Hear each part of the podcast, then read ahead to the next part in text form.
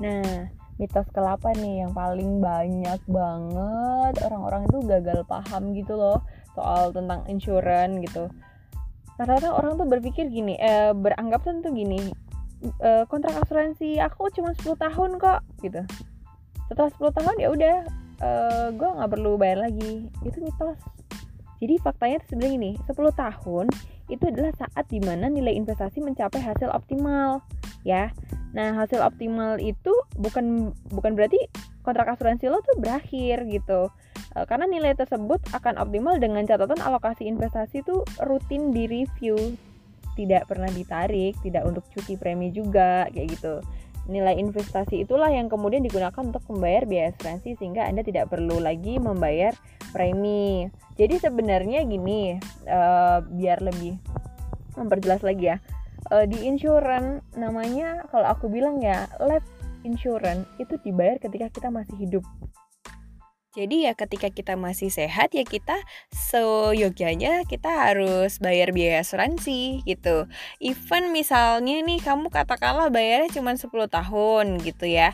Terus di investasi premi kamu itu terdapat uh, hasil investasi itu bisa diteruskan uh, untuk membayar biaya asuransi. Jadi misalnya udah 10 tahun pun misalnya kamu nggak bayar lagi, tapi polisnya harus uh, polisnya dalam keadaan aktif, ya dengan catatan itu berarti cuti premi.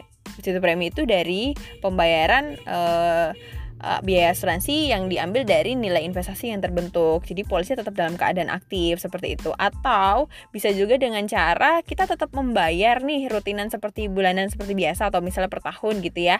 Selama kita masih hidup gitu. Kalau aku sih lebih prefer pribadi ya uh, selama kita masih hidup selama itu juga kita bayar gitu karena kayak halnya contoh misalnya BPJS nih BPJS itu kan kita bayar seumur hidup kita nggak tahu sampai kapan kan? Gitu. Hanya bedanya BPJS memang jauh lebih murah preminya gitu ya.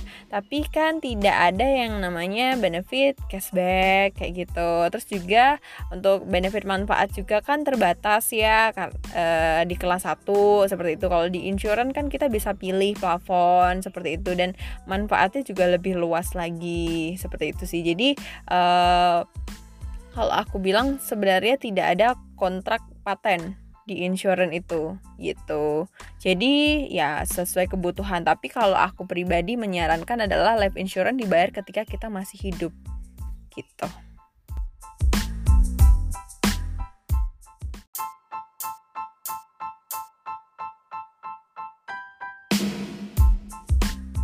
Dan yang terakhir adalah mitos ke-9. Di udah sering banget aku jumpain ketika aku prospek di lapangan ya.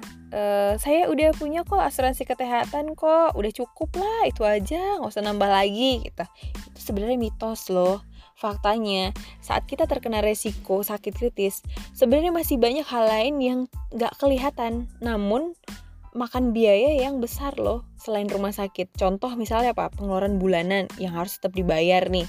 Misalnya kayak kebutuhan sekolah, terus hutang-hutang, misalnya hutang dagang atau misalnya kita ada cicilan ke bank atau ke leasing, terus ongkos dan transportasi keluarga yang dampingin ketika perawatan atau belum lagi kalau misalnya pilih perawatan alternatif yang itu sama sekali eh, apa namanya mengeluarkan eh, uang cash atau fresh money ya biasanya itu kan biaya-biaya yang timbul kan dan itu harus terus berjalan nah eh, dan kadang nilainya justru lebih besar dari tagihan rumah sakit. Jadi kembali lagi tadi kalau uh, aku bilang ya sebenarnya kita punya banyak polis insurance itu nggak masalah nggak ada ruginya selama itu sesuai dengan kebutuhan kita. Jadi satu hal yang kita perlu uh, harus harus tahu ya nih ya untuk teman-teman yang belum punya asuransi ataupun yang udah punya asuransi. Memang satu hal yang paling penting pertama kita punya asuransi kesehatan karena ketika terjadi resiko uh, minimal ketika kita pada saat rawat inap kita nggak harus ngorek-ngorek duit tabungan kita pribadi itu satu. Nah, yang kedua, kita harus punya yang namanya proteksi income, proteksi penghasilan. Itu berbeda dengan proteksi kesehatan tadi itu ya.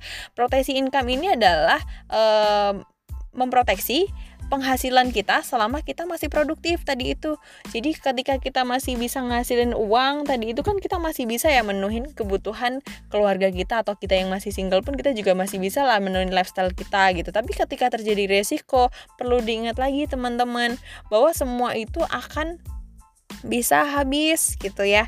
Istilahnya kayak income bisa stop loh kalau kita kerja di perusahaan ya nggak Uh, terus kebutuh kebutuhan kita yang tadi udah jadi beban bulanan kayak contoh misalnya ada yang nyicil kayak sekarang kan banyak ya teman-teman masih muda yang nyicil apartemen, nyicil mobil, nyicil apa segala lain segala sebagainya itu kan harus tetap jalan cicilannya. Jadi ketika kita punya proteksi income perlindungan tadi itu justru itu adalah melindungi cicilan-cicilan tadi, melindungi biaya-biaya hidup keluarga kita, melindungi biaya kebutuhan yang nantinya uh, harus harus dan tetap akan berjalan gitu.